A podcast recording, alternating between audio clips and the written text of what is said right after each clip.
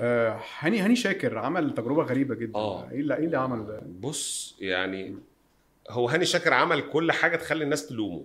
مم. اولا أنت أكتر واحد هاجمت المهرجانات لما كنت نقيب موسيقيين وأكتر واحد تعاليت على الأغنية الشعبية بمفهومها الجديد. لأن أنت هاني شاكر طول عمره في تصريحاته واقف عند الشعبي بتاع العزبي ورشدي. يعني مم. ما جاش من هناك لسه. فلما تيجي تعملها مش عارف أقول إيه لكن أنا حسيت إنه يعني إيه أغنية لبهاء سلطان لعبد الباسط حمودة وادوها لهاني شاكر. يعني بكل تفاصيلها. ممكن يكون هاني شاكر وهو أستاذ كبير وفنان كبير مش لايق عليك إنك تعمل ده. يا عم اعمل الأغاني الرومانسي بتاعتك بس اعملها حلو وجدد فيها.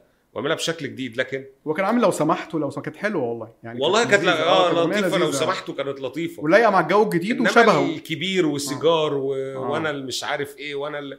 والكلام كمان هقول لك حاجة أحيانا لازم الكلام يبقى قريب من شخصية الفنان أو شبهه. مم. في كلام كده لو هاني شاكر قاله مش هتصدقه يعني فاهم؟ اللي هو اللي هو أنا أنت مش شبح يا مش هاني شبح أنت مش أيوه حبيبي. أنت مش شبح أنت مش شبح أنت مش هينفع تكون شبح يا أستاذ هاني. أنت راجل انت راجل وقور راجل محترم. محترم. آه راجل وقور وراجل لطيف والناس بتحبك كده فانت مش شبح يعني بلاش بلاش تروح حتة الأشباح دي.